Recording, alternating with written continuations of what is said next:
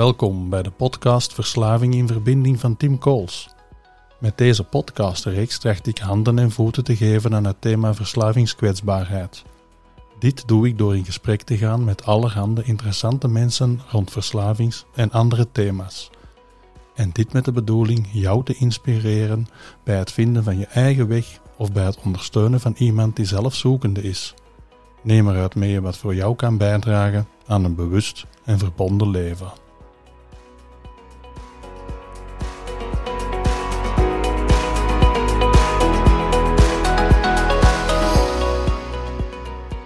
Goedemorgen, Nele. Goedemorgen, dag Tim. Heel fijn dat ik hier uitgenodigd ben op uw zeer mooie praktijk hier in Hasselt. Met plezier. Ik ben uh, ook heel blij dat jij tot hier bent gekomen, dus merci. Ja, want ik heb een tijd terug een heel boeiende opleiding van u mogen volgen. En ik dacht, die madame heeft wel wat dingen te vertellen over verslaving een stuk, maar vooral over trauma. En dan nog de link nog tussen. Want daarvoor zit ik hier dan natuurlijk. Hè. Um, en je hebt er ja op gezegd en daar ben ik enorm blij voor. En we gaan het vandaag wel hebben over trauma. Maar eerst hoor ik graag wie dat jij bent. Ja, um, ik zal mij met plezier voorstellen. Dus mijn naam is Nele Giele. Ik ben psycholoog. Um, en tijdens mijn opleiding had ik niet meteen de, ja, het plan of het doel om met verslaving te werken of met trauma te werken. Uh, ik dacht oorspronkelijk dat ik vooral in de richting van seksuologie verder wou gaan. Dus na mijn opleiding tot psycholoog ben ik ook seksuologie gaan studeren. En uh, daarna ben ik eerder per toeval in de verslavingszorg terechtgekomen. Dat was bij Catharsis, een, uh, een ontwenningscentrum. En daar heb ik een heleboel mensen leren kennen die uh, een hele grote rugzak uit hun verleden meesleurden. En vanaf toen ben ik gefascineerd geraakt door het onderwerp trauma en verslaving. Momenteel werk ik in een psychiatrisch ziekenhuis in Nederland, uh, waar ik uh, hoofdzakelijk traumabehandelingen geef. En daarnaast heb ik ook mijn eigen praktijk hier in Hasselt, traumazorg, waar wij traumabehandelingen aanbieden voor mensen met allerlei problematieken daarnaast nog. En dat is dan ambulant hier, hè? dus waar mensen op gesprek komen. Ja, ja, mensen die naar hier komen, die zie ik één keer per week of, of veelal één keer per twee weken. Ja. ja. Dus je bent ergens getriggerd door verslaving, maar dan nog een diepere ondertoon van het lijden, waar mensen wel wat mee te maken hebben. Ja. Die ook een verslavingskwetsbaarheid ontwikkeld hebben. Ja, absoluut. Ja. ja. Misschien is het een idee, Nele, dat we, dat we eerst ja, van u of bij u luisteren wat trauma juist is. Um, dat we dat wat begrijpen, om dan zo de brug te maken naar verslaving. Ja, dat is prima. Um, wanneer het gaat over trauma, dan um, is dat een begrip wat de laatste tien jaar, misschien wel langer, vaker in de media terechtkomt, wat ook een beetje gepopulariseerd is. En dat heeft heel veel voordelen. Het wordt wat uit de taboesfeer gehaald. Uh, het heeft ook wat minpuntjes. Zal ik zelfs nog toelichten. En trauma is iets ja, wat we kunnen begrijpen uit, uit de betekenis van het woord, om te beginnen. Trauma komt van het Grieks en betekent open wonden. En dat is dus ook een term die in de medische disciplines wordt gebruikt. Maar daarnaast um, spreken we hier in deze context over psychotrauma. En dat is dan verwonding van de psyche. Um, het gaat over een gebeurtenis die mensen hebben meegemaakt, die belastend is, die schokkend is, en die potentieel ook traumatisch kan zijn. En ik zeg het op die manier omdat niet alle belaste ervaringen, niet alle schokkende ervaringen zijn per se traumatisch. En, en dat is ook een beetje wat ik bedoel van dat begrip trauma is, is, is soms wat te gepopulariseerd, te, het wordt wat te snel in de mond genomen. Want het is zeker niet zo dat alle schokkende gebeurtenissen traumatische gebeurtenissen zijn. Over een trauma wordt gesproken wanneer de gebeurtenis de mogelijkheden van de persoon overspoelt, wanneer de persoon in principe niet met die gebeurtenis kan omgaan. Dan, dan is het begrip trauma eigenlijk aan de orde. Dan gaat het over een traumatische gebeurtenis. En wanneer we dan gaan kijken ja, over wat voor soort gebeurtenissen gaat dat dan, dan is dat zeer breed. Dat kan gaan over wat we bijvoorbeeld uit de films kennen, het meemaken van oorlog, eh, soldaten die gaan vechten. Ehm, dan, zien we dat ook in de films, dat dat eh, getoond wordt. Mensen zijn getraumatiseerd na zo'n uitzending, komen getraumatiseerd terug, hebben daarna klachten. Dat is een heel, uh, heel bekend voorbeeld, denk ik misschien wel het meest bekende. Maar veel vaker nog gebeurt trauma in, in veel kleinere contexten. Uh, gaat het over bijvoorbeeld fysieke mishandeling in een gezin, huiselijk geweld, getuigen zijn van huiselijk geweld, seksueel misbruik, verkrachting, pesterijen, een brand meemaken, een verkeersongeluk meemaken. En zo kan ik nog een hele tijd doorgaan. Dus er zijn veel... Chronische verwaarlozing, hè, zo, zo niet één feit, om het zo te zeggen, maar dingen die langdurig ja, onze psyche aantasten. Hè, die langdurig onrecht geven. Denk Ja. ik dan ook in heel. Ja, absoluut. Ehm, dus binnen de, binnen de psychologie, dat is dan toch de context van waaruit ik praat, onderscheiden we enerzijds enkelvoudig trauma, eenmalige gebeurtenissen. Hè. Men maakt bijvoorbeeld een, een brand mee of een verkeersongeluk. Of, of iemand wordt één keer eh, verkracht. Wat, wat absoluut erg genoeg is en wat tot zeer, zeer ernstige klachten kan, kan leiden. Maar daarnaast spreekt men ook over chronische traumatisering, eh, vroegkinderlijk trauma, complex trauma, wat, wat toch nog van een heel andere orde is. Vaak gaat het dan ook over interpersoonlijk trauma, over hechtingstrauma. Het trauma is opgedaan in relatie met een belangrijk ander, vaak ook de hechtingsfiguur. En dan zien we een heleboel andere klachten verschijnen. En wanneer het dan bijvoorbeeld over klachten gaat, wanneer we gaan kijken van wat voor soort klachten kunnen mensen allemaal krijgen na het meemaken van zo'n traumatische gebeurtenis, dan is er een diagnose die, ja, die ook bekend is en, en die we ook extra in de, in de gaten houden wanneer dat we te maken krijgen met mensen die eh, vertellen over de impact van trauma. En dat is de diagnose posttraumatische stressstoornis. Een hele mond vol.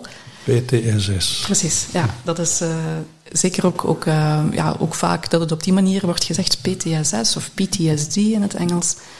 En dat is een diagnose die direct te maken heeft met de gebeurtenis die eraan vooraf ging. En PTSS heeft een aantal kenmerken die we stevast ook terugzien bij mensen die eraan lijden. Het gaat over enerzijds het hebben van herbelevingen, of intrusies heet dat dan. En herbelevingen zijn, zijn breed. En het meest bekende voorbeeld van herbeleving is dat mensen last hebben van nachtmerries.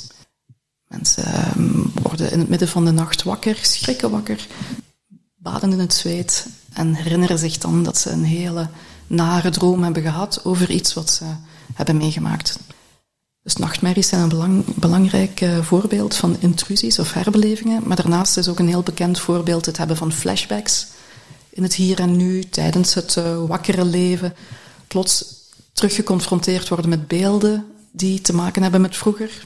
En dat het bijna lijkt alsof iemand terug in dat toen en daar zit. Dat is een flashback. En wat minder bekende voorbeelden van herbelevingen, maar die ik ook heel belangrijk vind, zijn bijvoorbeeld dat mensen eh, getriggerd kunnen worden door gebeurtenissen in het hier en nu. Bijvoorbeeld, eh, ze wandelen op straat, plots valt daar een tak naar beneden en ze schrikken zich een ongeluk. En voor veel mensen is dat een heel neutrale gebeurtenis, of ze zullen eventjes van slag zijn. Maar mensen die last hebben van herbelevingen, die, eh, ja, die worden eigenlijk terug gecatapulteerd naar dat verleden, naar dat toen en daar. En moeten terugdenken aan wat, eh, wat ze vroeger bijvoorbeeld hebben meegemaakt. En dus ook getriggerd worden, emotionele reacties hebben na triggering.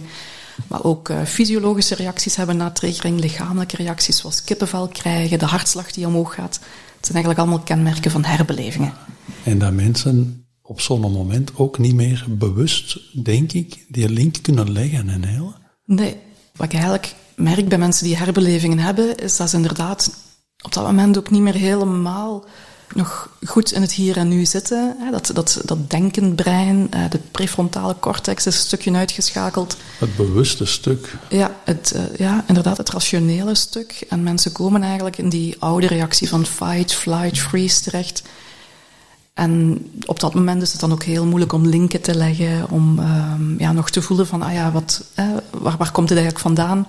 En is het daarom ook heel moeilijk om ja, nog geruststelling te bieden of uh, ja, dat, dat je kunt verzekeren van veiligheid of van het hier en nu. Dan zijn dat allemaal hele moeilijke stukken ineens. En dat dat lichaam precies die ervaring opgeslagen heeft en van daaruit reageert. Ja, klopt. Ja. Want uh, ook dat is iets wat we we zien dat uh, het lichamelijke aspect heel belangrijk is bij PTSS. Uh, vaak denkt men dat, uh, dat het vooral gaat over het denken dat beïnvloed is, of het voelen wat beïnvloed is. Maar in feite, wat we zien bij PTSS, en zeker bij complexe PTSS, is dat het lichaam enorm veel heeft opgeslagen van die gebeurtenissen van vroeger. Vaak ook omdat de emoties zijn uitgeschakeld, omdat het denken niet meer helemaal meedoet. Maar het lichaam weet het wel nog. The body remembers. En zei een heel wijze man ooit. Uh, dus het lichaam houdt vast en reageert ook vanuit die toen en daar reactie. En hoe het toen heeft kunnen overleven in die extreme situatie. Ja. En dus dat mensen dan soms ook zich afvragen, hoe komt het dat ik nu zo vreemd reageer? Ja, absoluut. Um, mensen vinden dat soms zeer ingewikkeld. Van hoe komt het dat ik bijvoorbeeld een bukkende houding inneem, of dat ik in elkaar krimp, of dat ik in een foetushouding dan ga liggen. Maar in feite zijn dat zeer vaak, niet altijd, ja, ook weerspiegelingen van hoe het vroeger ook is geweest. En het lichaam ja, kan opnieuw diezelfde handelingen aannemen, omdat dat toen ja, in ieder geval heeft gezorgd voor overleving, voor survival. Dus dat is allemaal herbelevingen. Hè. Dan zitten we aan het eerste cluster van PTSS. Een tweede cluster van PTSS, of symptoomcluster van PTSS, is dat mensen met PTSS vermijden. Het liefst van al willen ze nooit meer terugdenken aan wat er gebeurd is. Willen ze er niet meer over praten. Willen ze die emoties niet meer voelen. Vermijden ze personen die ermee te maken hebben. Vermijden ze plekken die er aan gerelateerd zijn. Bijvoorbeeld als er pesterijen zijn geweest op de basisschool. Kunnen ze twee, drie kilometer omrijden om maar niet langs die school voorbij te rijden. Um, en, en dan komen we eigenlijk al een klein stukje op het stuk van verslaving. Want wat is een hele goede manier om bijvoorbeeld emoties te vermijden? Ja, het gebruik van middelen. Ja. dat is een heel goed medicijn om ja, een stuk die emoties niet meer te voelen, soms ook die, die beelden wat weg te vagen. Um, ik, ga, ik ga zeker niet zeggen dat dat geen goed medicijn is, ik wil ook geen reclame maken. Maar dat blijkt wel uit verhalen van, van mensen die met trauma en verslaving te maken hebben, dat, dat ze eigenlijk heel vaak gebruiken om die klachten te vermijden. En dat is dus vermijding. Zo kijken we het ook echt in de ogen en hele. Dat gaat dan niet over promo of zo, maar het gaat over, ja, dit heeft een functie van middelengebruik. En als we dat kunnen zien, kunnen we mensen ook misschien vanuit een andere bril ondersteunen. En dat is net zo belangrijk. Hè? Absoluut. Het, het normaliseert in feite een beetje dat verslavingsgedrag, waar toch heel vaak ook nog een stigma op zit, of een bepaald idee over wordt gevormd. Maar als we inderdaad wat dieper gaan kijken, wat meer gaan proberen te begrijpen, Um, en men komt erop dat iemand inderdaad vanuit die functie gebruikt, ja, dan geeft dat een hele andere mogelijkheid ook naar behandeling of naar benadering of bejegening. Vermijding is uh, overigens een symptoomcluster waar ook iets heel complex nog kan inhouden, een, een psychologisch fenomeen wat we dissociatie noemen. Dat is een begrip wat in de, in de opleidingen zeker wel aan bod komt en ook in de spreekkamer uh, geconstateerd kan worden. Maar, zeker bij, bij PTSS, bij trauma, een, een essentiële rol speelt. En ook in die zin heel belangrijk is om het goed te herkennen en nadien ook om het te behandelen.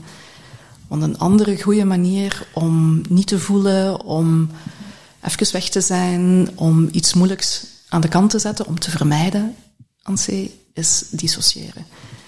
Mensen zetten eventjes uit, voelen hun gevoelens niet meer, uh, onttrekken zich aan de realiteit, uh, zetten hun geheugen eventjes uit.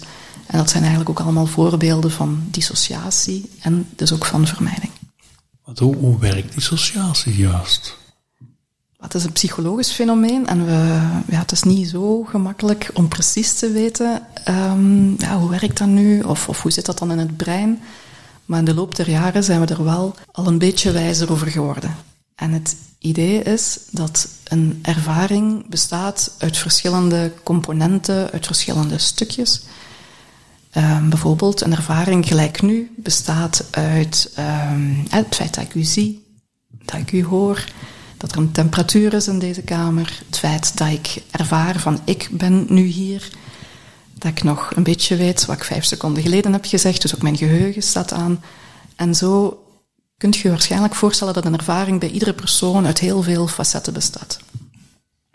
Maar wanneer een ervaring zo overspoelend is, zo heftig is, zo schokkend is, dan blijkt dat ons systeem iets heel vernuftigs kan. We hebben een heel slim systeem.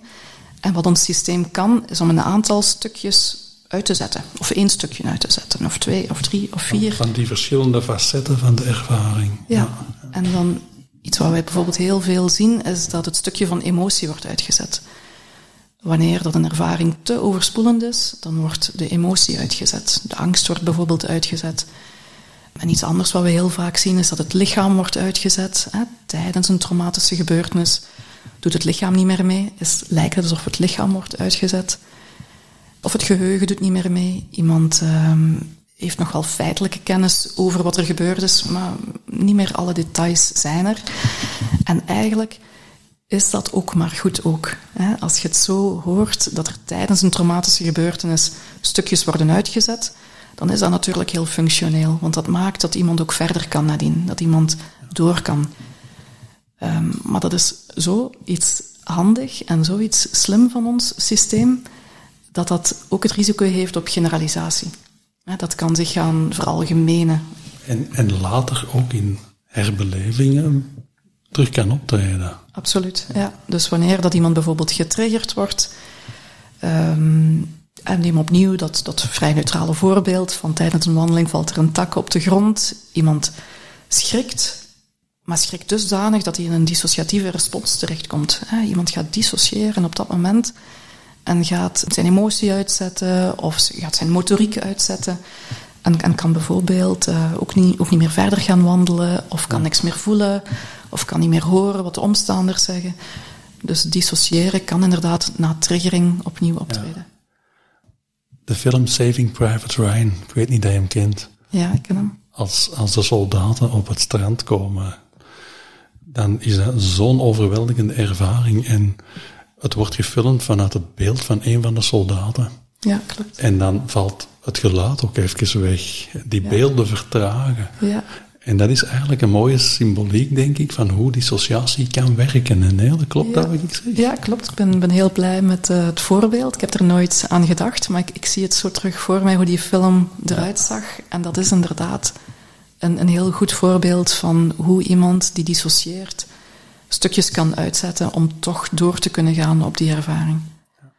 Daarnaast in die oorlogsscène, hè, we hadden ook uh, heel harde geluiden en ook, ook uh, zeker met oorlogssituaties hè, hebben ze ook gevonden dat dat nog complexer is dan, dan enkel dissociatie, dat het ook met, met die, die, die zware geluiden te maken heeft. Uh, maar het is absoluut een, een, een heel ja, visueel voorbeeld ook, hè, waar mensen kunnen terugzien om te zien ja. van, ah ja, zo kan dat er ongeveer ja, uitzien. Um, dus dissociatie, een, uh, een belangrijk kenmerk van vermijding. Als ik dan weer eventjes doorga naar het derde symptoomcluster van PTSS, dan gaat dat over het hebben van negatieve gedachten en negatieve emoties. En dat lijkt een heel gewoon symptoomcluster. Iedereen heeft wel eens negatieve gedachten, iedereen voelt zich wel eens wat minder. Maar bij mensen met PTSS is dat toch nog van andere orde.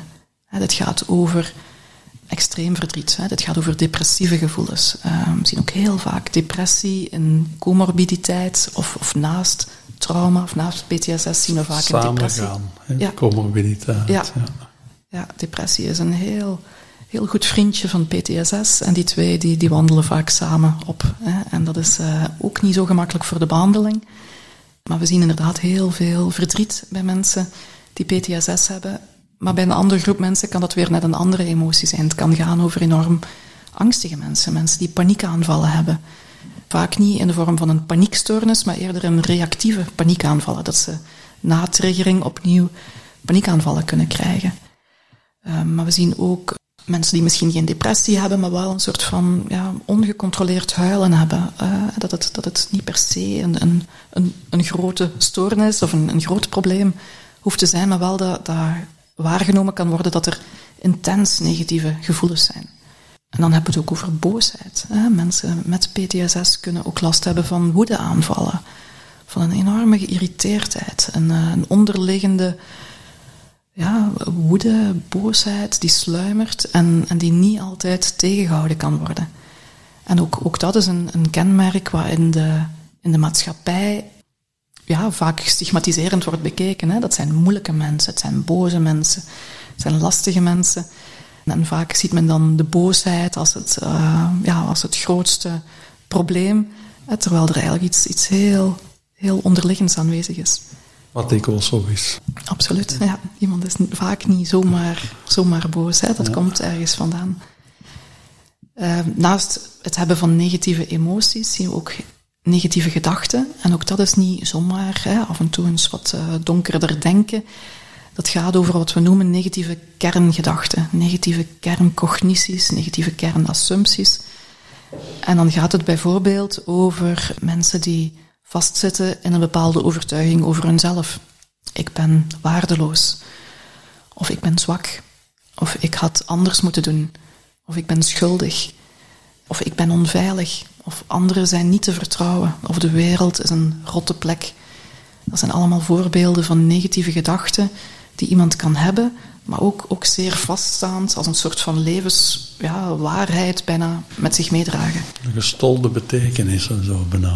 Ja, vastzittend. Ja. ja. En, en ja, we noemen dat ook wel eens irrationele gedachten. Mensen voelen ergens wel dat dat niet helemaal klopt, maar toch geraken ze er niet zomaar vanaf. Hè. Dat zijn eh, vastzittende negatieve gedachten, vaak over hunzelf, vaak over zelfbeeld, maar soms ook over veiligheid, machteloosheid heb ik nog niet gezegd. Ook een heel belangrijke. Ik heb geen controle. Ik ben machteloos. Dat is ook een gedachte die we heel vaak terug horen bij mensen die uh, last hebben van PTSS. En dan op het vierde symptoomcluster, en dat is meteen het laatste. En dat is met dat mensen met PTSS last hebben van hyperarousal. Is een Engels woord en dat betekent eigenlijk veel te veel spanning, veel te veel, ja, niet alleen emotie, maar ook hyperalert zijn um, schrikachtig zijn, voortdurend omkijken. Wie loopt er achter mij? Um, in de wachtkamer gaan kijken van waar ga ik zitten? Met de rug tegen de muur willen zitten en zeker niet met de rug naar een, naar een deur zitten. Alles gezien hebben. Uh, mijn cliënten die ik behandel voor hun trauma's, dat zijn mensen die alles gezien hebben. Hè, die, die vaak uh, op details gericht zijn, onmiddellijk kunnen zien van oh, er staat hier iets anders. Uh, het zijn mensen die, die een hyperfocus hebben op uh, de omgeving. En ook weer te begrijpen vanuit een oude survival. Hè. Je moet alles gezien hebben om te kunnen overleven. En daar hangt dan ook aan vast dat deze mensen heel vaak een slechte concentratie hebben. Dat er eigenlijk in het brein, in de cognitie, niet heel veel nog overblijft. En dan zie je ook dat dat mensen zijn die uh, bijvoorbeeld te laat komen op afspraken, de afspraken vergeten, um, niet meer weten wat er vorige sessie is gezegd. Hè, dat die concentratie ook, ook enorm kan nablijven. Dat het brein zo ingepalmd wordt door controle te moeten ja, hebben op de omgeving. Ja, eigenlijk op survival. Nog altijd ja. uh, geprimed zijn ja, op het gevaar van toen en daar. Hè? Um, zien dat, dat, ja, dat ze veilig blijven, dat ze overleven. En je kunt dat ook wel eens vergelijken met, met een autoalarm. Um, het gebied wat in de hersenen verantwoordelijk is voor ons angstsysteem, of één van de gebieden, dat is de amygdala. En uh, in de amygdala, uh, ik ben geen neuropsycholoog, dus ik ga vast en zeker het iets te simplistisch uitleggen. Maar in de amygdala gebeuren eigenlijk, um, ja, het is eigenlijk een centrum waar uh, angstprikkels naartoe komen vanuit de omgeving en die dan ook uh, signalen kan afvuren naar het lichaam om bijvoorbeeld een actie te schieten, zoals te vluchten of te gaan vechten. Maar de amygdala van mensen met PTSS, die is eigenlijk overreactief. En daar komt dan die metafoor van het autoalarm vandaan. Iedereen kent het fenomeen wel van een autoalarm wat in de straat te pas en te onpas afgaat liefst nog om vijf uur s morgens. En dat dat uh, ja, ineens begint af te gaan zonder dat er eigenlijk iets aan de hand is. En dat is eigenlijk ook wat er bij mensen met PTSS gebeurt. Mensen met PTSS, die hun amygdala die vuurt voortdurend van kijk uit, er is gevaar, pas op. En dat is inderdaad wat we ook zien hè, in de uitingen dan, hè, van de schrikachtigheid en van die hyperarousal.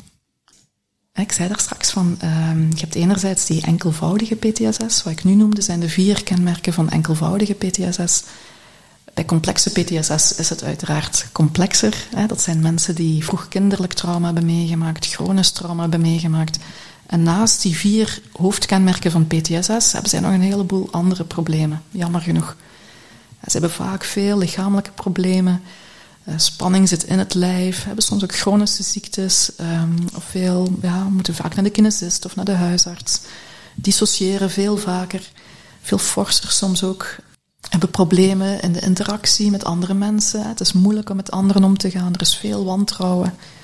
Ze isoleren zich vaker. We zien veel andere problemen nog naast de PTSS, zoals depressie, zoals verslaving.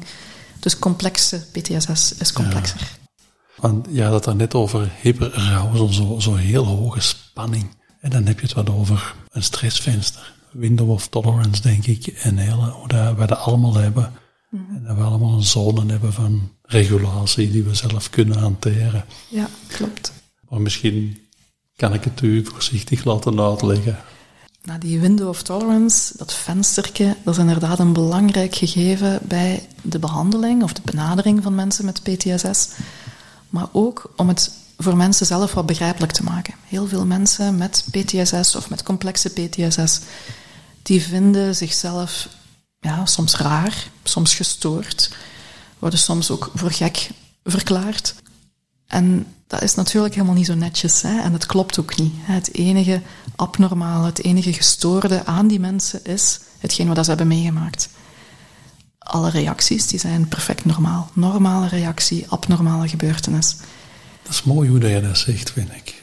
Want dan kunnen mensen ook anders gaan kijken naar gedragen dat ze zelf vreemd vinden. Ja, en, Het, opent ook weer nieuwe deuren. Hè? Want als je jezelf maar abnormaal, gestoord, gek vindt, ja, dan krijg je ook het gevoel van hopeloosheid, van het ligt allemaal aan mij, uh, er is weinig perspectief. Ik durf er niet over spreken, want ja, ik moet dat verbergen, ik moet dat stilhouden, ik kan mij beter gedijst, ik kom beter maar niet meer buiten. Of ik verdoof me beter maar met een heleboel middelen om te zorgen dat al die gekke symptomen niet naar buiten komen. Maar een manier om, om dat gedrag een beetje te begrijpen en begrijpelijk te maken, niet alleen voor, uh, voor zichzelf, maar ook voor hulpverleners, is inderdaad die window of tolerance, het vensterke. En eigenlijk is dat ja, er zijn heel veel theorieën over. En ook de laatste jaren zijn er wat nieuwe theorieën over. Maar het kan heel simpel uitgelegd worden.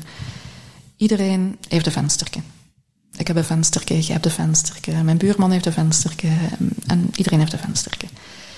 En als het goed is, is dat vensterke groot genoeg om dagdagelijkse stress een beetje te kunnen verdragen. Maar als het tegenzit, dan is dat vensterke veel te smal. En mensen met PTSS hebben over het algemeen een heel smal vensterke. Die verdragen niet zo heel veel. Uh, wordt ook wel eens gezegd, die hebben lange tenen, die schieten snel uit hun slof. Eigenlijk is dat inderdaad, die hebben een klein vensterke. Het is, het is iets vriendelijker gezegd, maar daar komt het eigenlijk wel op neer. En trouwens, niet alleen mensen met PTSS hebben een klein vensterke, maar ook mensen die uh, een burn-out hebben, hebben een klein vensterke. Mensen met baby's in huis hebben een, venster, klein vensterke. Mensen in de verbouwingsstress, hè, die hebben een klein vensterke. Dus het is, is iets wat algemeen uh, bekend is. Um, maar als je met zo'n smal vensterke zit, dan heb je eigenlijk wel iets aan de hand. Want dat betekent dat als er dan nog iets bij komt, dat je snel langs boven of langs onder uit je vensterke schiet. Als je langs boven eruit schiet, dan krijg je die klachten, wat ik daar straks inderdaad die hyperarousal klachten noemde. Veel te veel emotie. Veel te veel angst, paniekaanvallen, veel te veel boosheid, woedeaanvallen, veel te veel verdriet, hysterische huilbuien. Mensen hebben dan vaak inderdaad het gevoel van, ik, ik heb mezelf niet meer in de hand, ik zie zwart voor de ogen of ik zie wit voor de ogen, hoe je het ook wilt noemen. Dat lijkt ook te klikken in het brein. Mensen zeggen dat soms ook zo, hè? Ja. Ook nog agressie toe, zo niet meer doorhebben wat er aan het gebeuren is. Precies, het lijf reageert precies. Ja, het denken is op dat moment eigenlijk uitgeschakeld. Die prefrontale cortex die doet niet meer mee. En het is puur emotie wat daar overblijft. En ja, aan zich is dat handig opnieuw. We hebben een vernuftig systeem wanneer er effectief gevaar dreigt. Want dan moeten we ook niet te veel nadenken. Als we naar het zoogdierenrijk kijken, ook, ook die dieren die hebben een vensterke en als er een hertje wordt achterna gezeten door een wolf, hè, dat is vrij actueel, ja, dan is het maar goed dat dat hertje niet te veel nadenkt. Hè, en dat dat gewoon doorgaat en vlucht. En dat zal ook zorgen voor de meeste overlevingskans. Maar als de hertje gaat nadenken, ik weet niet of hertjes kunnen nadenken van ik moet hier naar links of ik moet hier naar rechts of zou ik over die rivier springen of toch maar niet, dan gaat het hertje eraan zijn voor de moeite. Dus um, survival is een belangrijke reden om boven dat venstertje te zitten. Maar bij mensen met dat smal venstertje zitten ze veel te snel boven dat venstertje. En dan hebben we het nog niet over onder het venstertje gehad. Onder het venstertje is het ook niet zo goed vertoeven.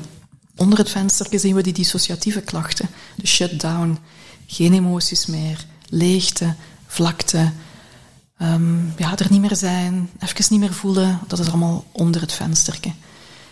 En ten tijde van het trauma was dat mogelijk functioneel. Maar nu is dat, is dat eigenlijk heel vaak enorm nadelig. Hè? Want je, slaat niet meer alles op, je bent er niet meer helemaal bij. Uh, het kan zijn dat je nieuwe risico's niet goed meer inschat, omdat je niet meer te goed voelt, omdat je er niet meer te goed bij kunt nadenken. Dus ook onder het vensterken is het niet zo goed vertoeven. En boven en onder het vensterken kunnen we eigenlijk ook nog niet zo heel veel met therapie doen. Herstel vindt plaats binnen het vensterke. Het vensterke moet groot genoeg zijn om ook therapeutisch te kunnen werken en om te zorgen dat mensen ook kunnen verwerken. En dat de stress hanteerbaar blijft. Ja. En dat, dat we er kunnen mee verbinden, maar dat het ook niet te veel wordt. Precies. En dat het gedoseerd wordt, denk ik dan. Hè? Ja, want als je in een therapiesessie boven het venstertje wordt gebracht, bijvoorbeeld omdat er heel gedetailleerd wordt gevraagd van, goh, hè, wat hebben we weer meegemaakt en wanneer was dat en wie was daarbij, ja, dan kan een reactie zijn dat iemand boven het venstertje geraakt en dat hij dan en daar beslist van dit wil ik nooit meer. Ik ga nooit meer praten over wat ik heb meegemaakt. Meer nog, ik ga uit hulpverlening stappen, want dit is veel te eng. Dat doe ik nooit meer. En dat is al een belangrijke tip naar hulpverlening, denk ik. Hè? En Ja. allee, daar komen we straks dan bij, denk ik. Maar Ja. dat is al iets om, om, om goed naar te kijken. Hè? Ja, het venstertje, hè, hoe simpel dat het Ja. is, hou dat venstertje erbij en dan, dan kun, je, kun je magie verkrijgen. Maar alleen dan, Ja. als je het venstertje vergeet, dan kun je best wel, ja, dan kun je soms wel kwaad aanrichten. En kun je mensen een enorme angst bezorgen en een die goed kunnen geven van hulpverlening. Ja. En hoe paradoxaal dat dat ook kan klinken. Hè? Een hulpverlener die graag misschien snel nog iets essentieel of wat dat dan ook moet zijn. En dat daarin ook de valkuil zit. Ja. De snelheid, het niet voorbereid zijn. Allee, Ja. Mensen die de tijd niet, niet kunnen nemen om zelf de grens te houden van Ja, wat is behapbaar. Ja, en soms inderdaad vanuit goede bedoelingen, hè, want we weten allemaal dat om iets te kunnen verwerken, moeten we er terug naartoe. Hè. Dat is heel jammer, maar no pain, no gain. Hè. Je kunt niet herstellen van een verleden als je dat alleen maar wegduwt. En dat is waarom mensen met verslavingsproblematiek die alleen maar vermijden, ja, vaak ook niet herstellen van hun trauma's. Dus we moeten naar die pijn toe, maar inderdaad niet zomaar. We, moeten dat gedoseerd doen, we moeten dat beredeneerd doen. We moeten eigenlijk dat venstertje erbij pakken en dan wordt het allemaal een stuk duidelijker. Want je hebt al een paar keer een duidelijke link gelegd tussen trauma en verslaving. Hoe zit dat juist? Kom jij dat veel tegen? Zien mensen dat zelf dat dat zo is? Is er in de hulpverlening ook een sensitiviteit om dat te zien?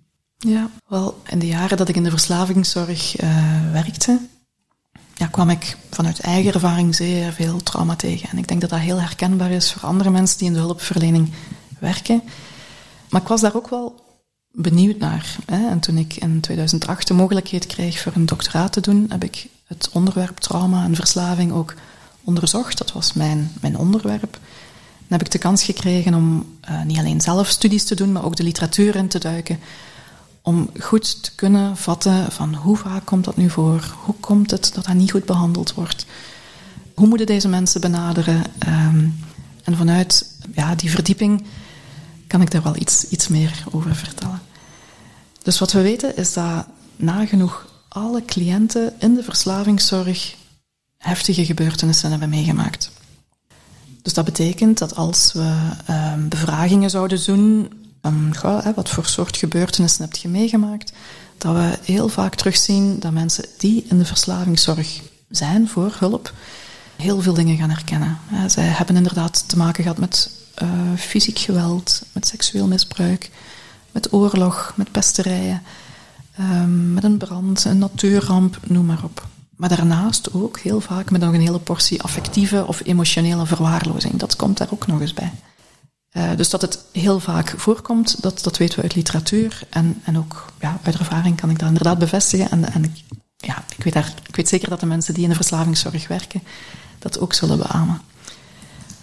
Een ander verhaal is van hoeveel mensen hebben daar nu last van. Hoeveel mensen zijn er in de verslavingszorg die effectief ook die impact voelen van die traumatische gebeurtenissen, die niet alleen schokkende gebeurtenissen hebben meegemaakt, maar waarbij het ook gelabeld kan worden als traumatische gebeurtenissen en die mogelijk ook gediagnosticeerd kunnen worden met een PTSS.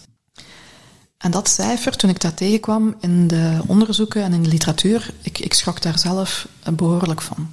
Want we komen op cijfers van 1 op de 3 verslaafden. 1 op de 3 verslaafden die in de hulpverlening zit, dus die behandeling zoekt voor zijn verslavingsprobleem, scoort positief op een PTSS. En dat is toch wel een heel hoog cijfer. En dat geeft meteen ook een antwoord uh, op, een andere vraag die jij had van de onderdiagnostiek. Het wordt heel vaak niet herkend. Vaak schatten klinici of hulpverleners in dat dat cijfer een stuk lager ligt.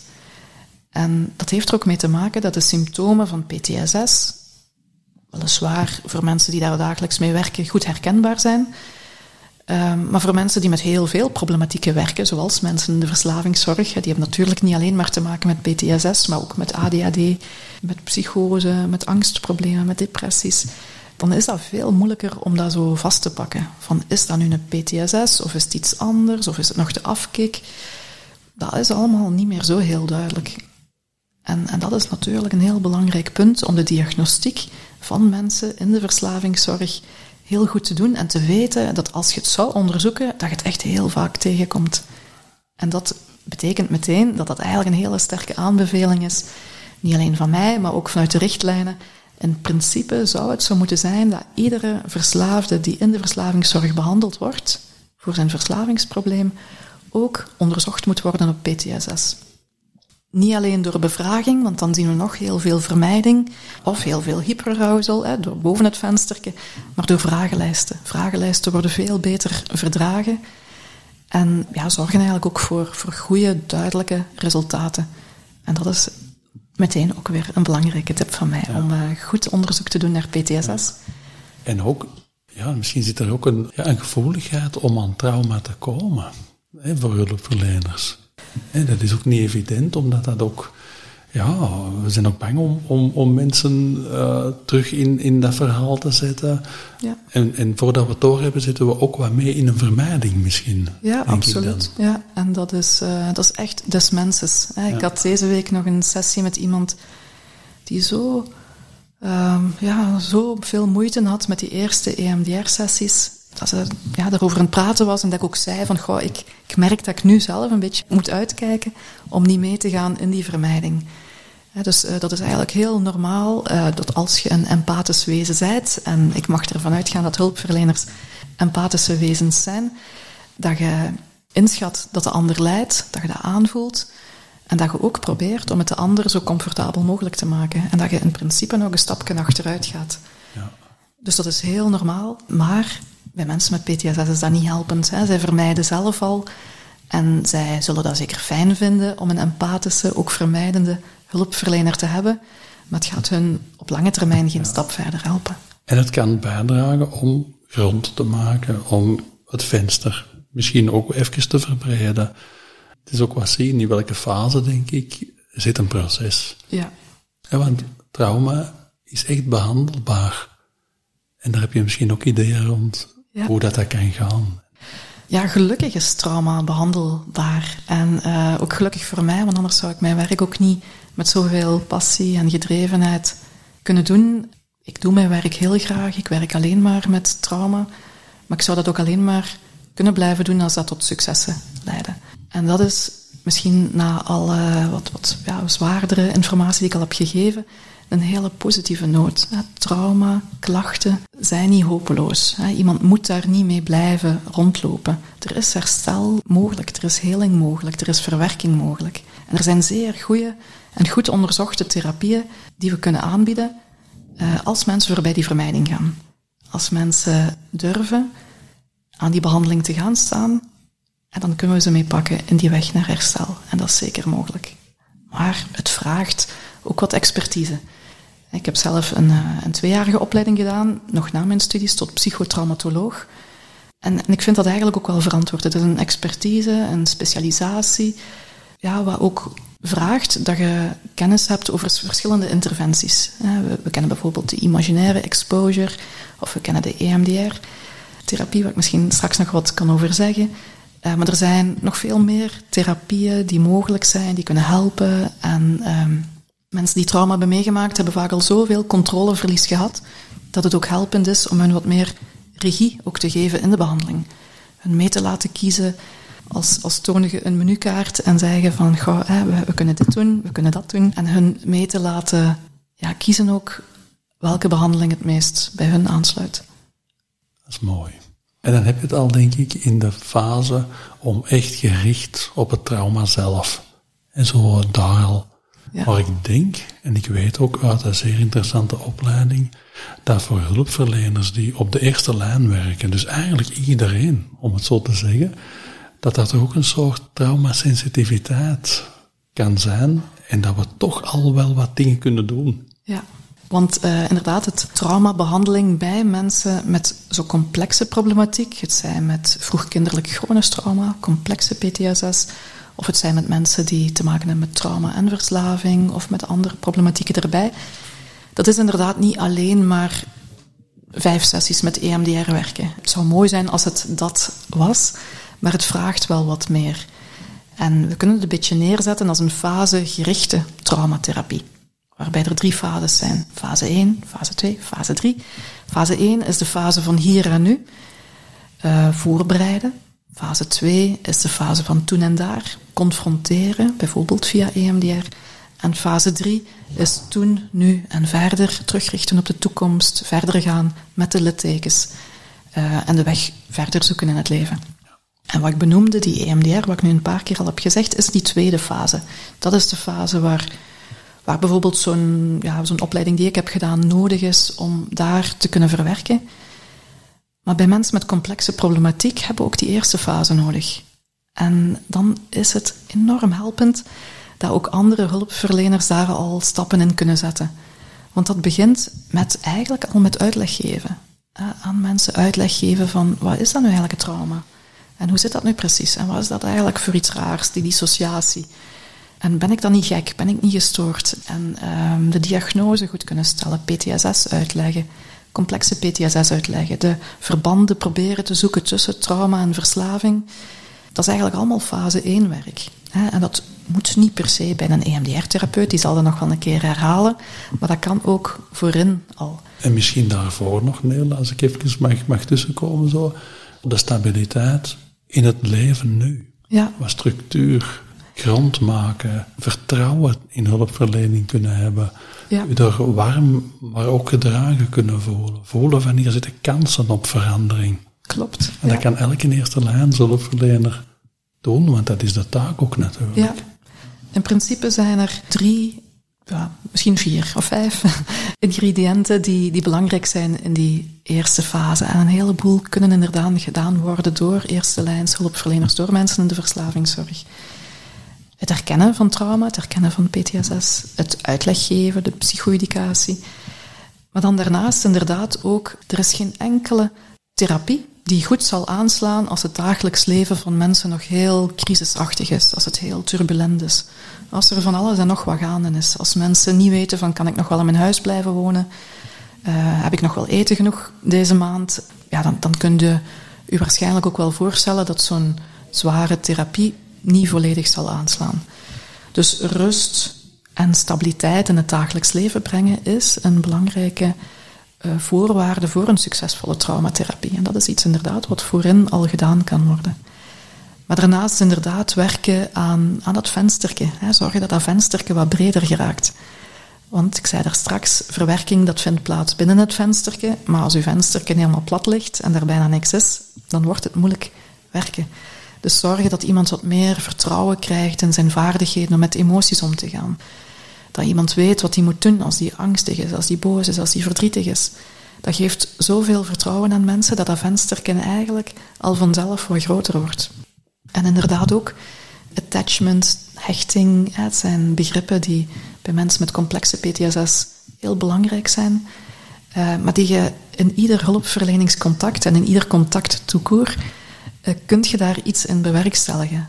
En vanaf het moment dat je in contact komt met iemand, dat je iemand op zijn gemak stelt, dat je laat, laat voelen van ik ben een veilig persoon, ik ga je geen kwaad doen, je kunt op mij rekenen, uh, wanneer dat je voorspelbaar gedrag kunt laten zien, wanneer dat je afspraken nakomt met je cliënt, want niet alleen de cliënt moet afspraken nakomen, maar de hulpverlener ook, dan werkt je aan verbondenheid, aan hechting, aan vertrouwen. En ook dat zijn essentiële stukken voor de verwerking. Want hoe kan iemand ooit zijn trauma's gaan neerleggen bij een therapeut als je nog nooit in je leven hebt geleerd dat hij daar niet mee aan de haal gaat? Mensen met traumatische voorgeschiedenissen, die hebben jammer genoeg heel vaak ervaring dat als ze zich kwetsbaar opstellen, als ze gaan praten over datgene wat ze hebben meegemaakt, dat ze misschien nog meer straf krijgen. Of dat ze niet geloofd worden. Dus ze hebben heel veel reden om afstand te houden, om die verbinding niet aan te gaan. Dus daarop werken, daarin trainen, is inderdaad ook iets wat in die voorfase kan gedaan worden. En dat zijn heel veel praktische tips, vind ik, naar hulpverlening. Ja, en dan, dan zie je denk ik ook hè, dat, dat heel veel hulpverleners, hulpverleners daar in feite al rond aan het werken zijn. En dan zou ik kunnen denken van ja, wat moeten we dan nog anders aanpakken? Want dat zijn we al aan het doen. Soms is het voldoende om het kader van eigenlijk zijt je al een stukje bezig met traumatherapie, om dat er overheen te leggen. Mensen kunnen zich meestal goed handhaven in die voorfase, vinden dat ook prettig om nieuwe strategieën te leren, om uh, nieuwe stappen te leren. Dat lukt ook meestal vrij goed. En je ziet mensen ook echt groeien daarin. Maar het helpt zeker als ze dan eigenlijk al voelen van eigenlijk ben ik al stappen aan het zetten naar die verwerking toe. Ik ben misschien nog niet bezig met toen en daar, maar ik zit wel al in die eerste fase. Dat is een stuk voor hulpverleners, maar mensen kunnen daarin zelf ook al wel wat. En daar heb je misschien ook wel wat richting in, zo van, hoe kan je eraan beginnen? Als je zelf voelt, er is, er is wat trauma aanwezig in mij. Ja, ik denk dat de, dat de grootste uitdaging zit in datgene wat dat eigenlijk je hele systeem roept om niet te doen. Het hele systeem roept om te vermijden, om daar niet mee bezig te zijn, om daarvan weg te lopen. En dat is, ja, dat is nu net hetgene wat dat wel nodig is. Ik vergelijk het soms wel eens met een, uh, ja, een glasscherf. Wanneer dat uh, kleine kindjes of, of, grote mensen, het maakt eigenlijk niet uit, een glasscherf in hun voet krijgen, dan is dat verschrikkelijk en verschrikkelijk pijnlijk. Maar naast de pijn is het ook enorm angstig als iemand zou willen proberen om die glasscherf eruit te halen. En mensen die ouders zijn, die kunnen zich waarschijnlijk ook wel iets voorstellen bij bijvoorbeeld hun eigen kind, wat een splinter in het voetje heeft. En dat niet zomaar iedereen die splinter eruit mag pakken. bij een glasscherf, dat is nog iets dramatischer. Dus laat staan dat een wildvreemde daar iets uit mag gaan halen. Dus als je mij vraagt van wat kunnen mensen zelf doen, dan is dat eigenlijk moed zoeken. Moed bij elkaar zien te rapen om die glasscherf eruit te laten halen. Um, te leren dat er, dat er mensen zijn die te vertrouwen zijn, die dat al vaker hebben gedaan. Uh, hulp te vragen, daar de eerste keer over praten van, goh, eh, ik denk eigenlijk dat ik dingen in mijn leven heb meegemaakt die misschien nog niet allemaal geplaatst zijn. Ik denk dat, dat ik misschien ook wel gebruik om een aantal dingen te vergeten, om, om dat te dempen. En ik denk dat ik misschien ook wel traumatherapie zou kunnen hebben. En u ook niet zomaar wandelen laten sturen. En veel hulpverleners gaan er soms nog vanuit dat trauma en verslaving niet samen te behandelen is. Dat je eerst je verslavingsprobleem moet aanpakken en dan pas met je trauma aan de slag moet gaan. En dan is daar zo'n uh, ja, een ongeschreven regel, ik weet niet waar die vandaan komt, dat je drie maanden clean moet zijn, drie maanden nuchter moet zijn, vooraleer je met zo'n zware therapie start. En dat wil ik meteen zeggen, als je dat verhaal hoort, dat is niet waar, dat moet je niet geloven. Dat, dat staat nergens geschreven. Je moet niet in discussie gaan met de hulpverlener, maar je mocht daar wel even op doorvragen van, zou het niet kunnen zijn dat trauma en verslaving samen behandeld kan worden? Zou het niet kunnen zijn dat dat, dat wel mogelijk is? En misschien deze podcast laten luisteren en ook, ook zien dat je die hulp krijgt waar je in principe recht op hebt. Trauma en verslaving is niet alleen samen te behandelen, meer nog het moet samen behandeld worden. Het een kan niet goed behandeld worden als het ander nog speelt. Mooie boodschap. Want je had zo de, de metafoor van de glasscherf. Maar er waren nog een paar mooie metaforen. En dan denk ik aan de koe en de buffel. Ja, dat is ook een metafoor die ik nog niet zo heel lang geleden zelf heb geleerd, maar die, die inderdaad ook heel, ja, heel goed past bij dit verhaal. Wanneer dat we gaan kijken naar het dierenrijk, dan kunnen we daar enorm veel van leren.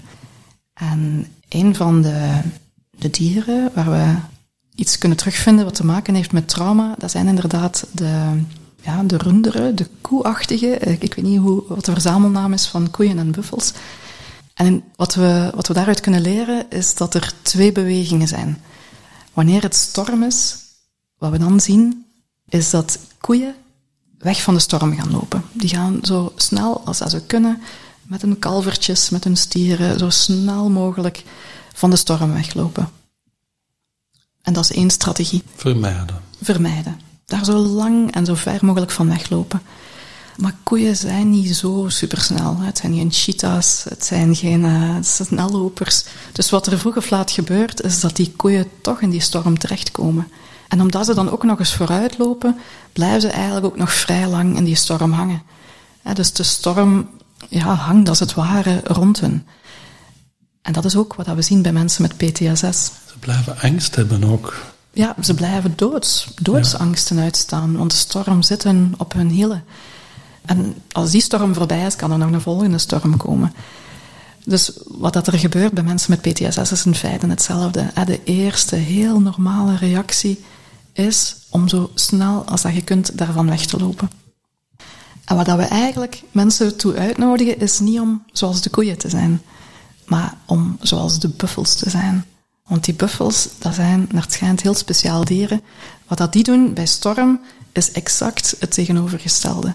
In plaats van weg te lopen voor de storm, blijven die staan en draaien die zich om naar de storm. En op die manier trotseren ze de storm ook, maar ze staan klaar, ze weten wat er gaat komen en ze hebben veel minder last van de storm, want de storm die gaat voorbij en in plaats van weg te lopen, blijven ze staan, dus de storm gaat sneller voorbij dan bij de koeien. En ze creëren veerkracht door in de storm te staan. Ja, die spieren die worden ook getraind hè, en zij leren om, om storm te trotseren. En, en dat is in feite het heldhaftige aan mensen die ook aan hun traumaverhaal willen gaan staan. dat, zijn geen, dat zijn geen zwakkelingen, dat zijn strijders. Dat zijn mensen die zo moedig zijn, zo heldhaftig zijn, dat die alleen maar zeer diep respect verdienen. Ja.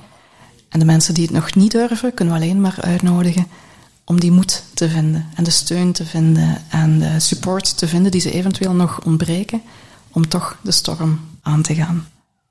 Als je in een beeld een emotie kunt vatten of een strategie kunt ontwikkelen, ja, daar kan je veel mee. Hè? Dat is de kracht ook van metaforen. Hè?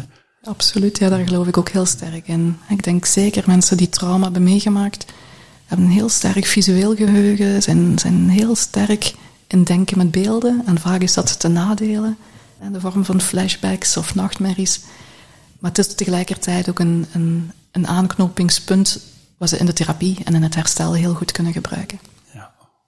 Welke dingen zeg jij van, die zijn ook belangrijk om mee te geven? Want ik denk dat jij ja, wel wat aanbod hebt rond dit thema. Hè?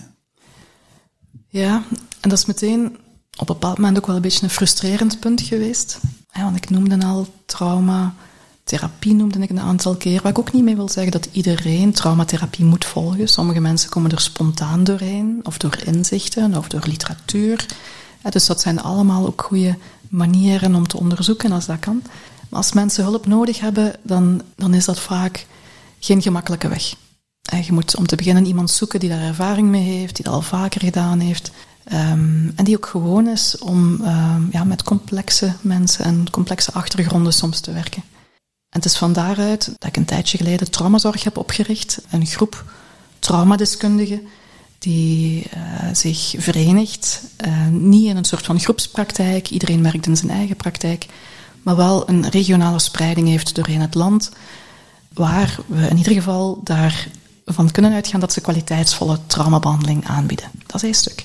Maar traumabehandeling bij een psycholoog um, is jammer genoeg vaak ook een dure aangelegenheid. En vaak, net voor de mensen die het het hardst nodig hebben, veel te duur en bijna onbetaalbaar. En dan zijn er natuurlijk andere opties. Hè. Je kunt naar uh, eerste lijns psychologie gaan, naar de GGZ.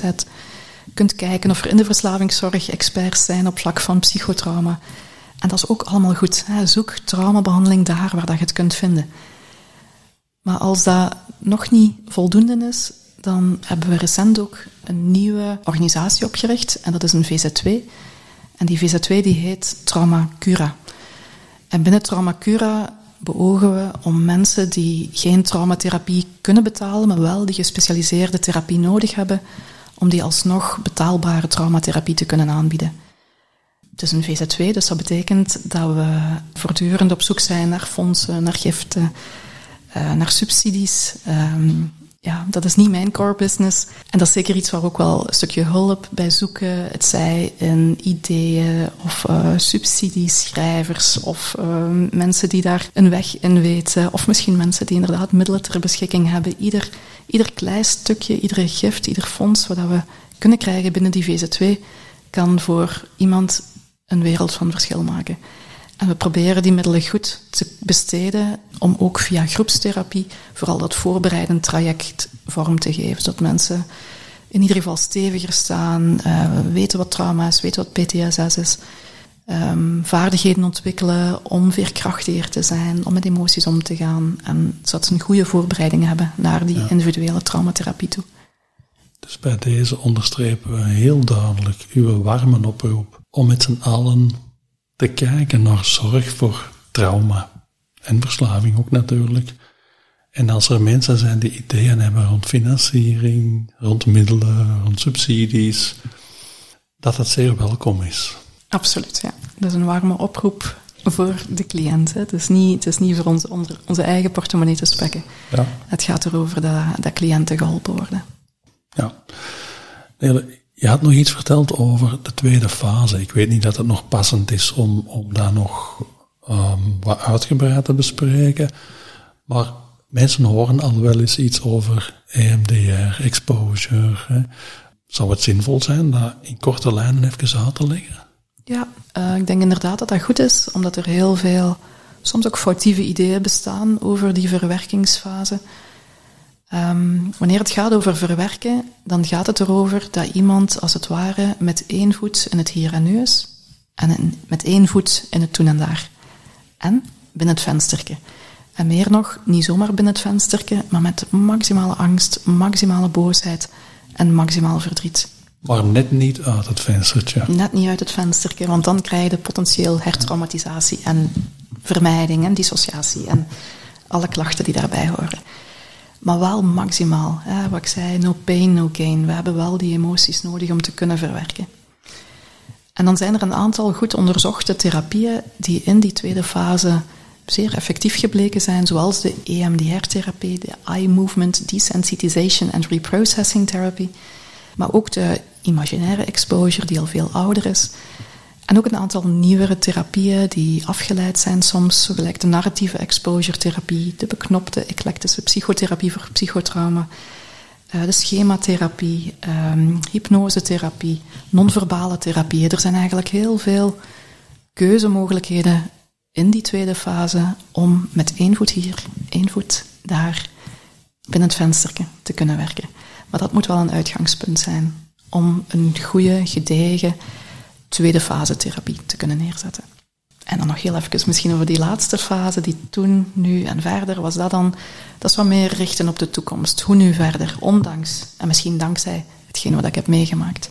Um, het gaat ook over, uh, soms over afbouw van medicatie. als het goed is, dan is er al een heleboel medicatie wat minder nodig als de pijn van het verleden niet meer zo, zo steekt.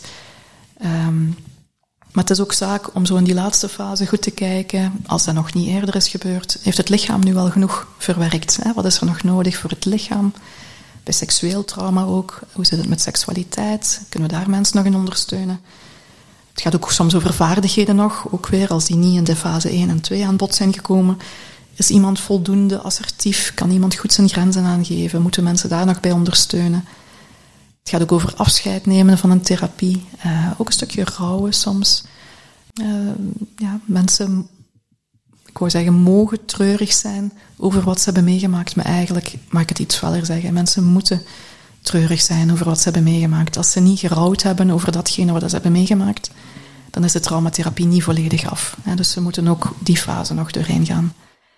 Maar vooral ook het, het, ja, het afscheid nemen, het onthechten. Iemand met wie ze een hele lange tijd soms hebben opgetrokken, iemand bij wie ze ja, dingen hebben gedeeld die ze misschien met niemand anders hebben gedeeld, om dan daarna ook weer afscheid te nemen van die persoon.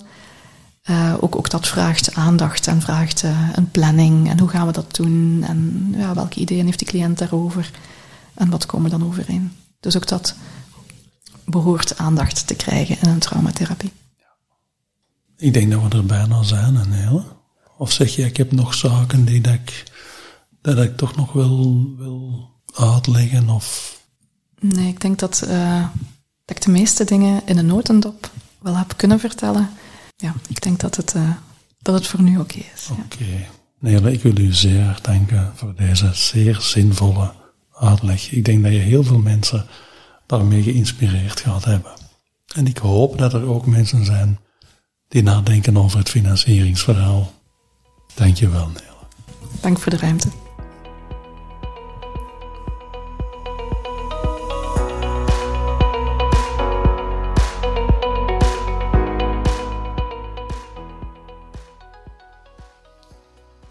Nele heeft ons in deze aflevering uitgelegd dat verslaving en trauma vaker samen voorkomen dan we verwachten. Dat in een behandeling van verslaving ruimte mag en hoort te zijn voor trauma. Ik heb ook onthouden dat traumatherapie deels specialistenwerk is en dat er al heel veel kan gedaan worden door elke hulpverlener betrokken in een proces. Dat trauma aanpakken moed vraagt en dat herstel mogelijk is. Als je na het luisteren van deze podcast vragen van welke aard dan ook hebt, of wil je in contact komen met Nele of haar collega's, dan kan je mailen naar info.traumazorg.net. En als je na het luisteren van deze podcast zelf ideeën hebt die kunnen bijdragen aan deze reeks, dan kan je mij mailen op verslavinginverbinding.telenet.be. En zo gaan we samen naar betere zorg voor mensen die worstelen met deze kwetsbaarheid.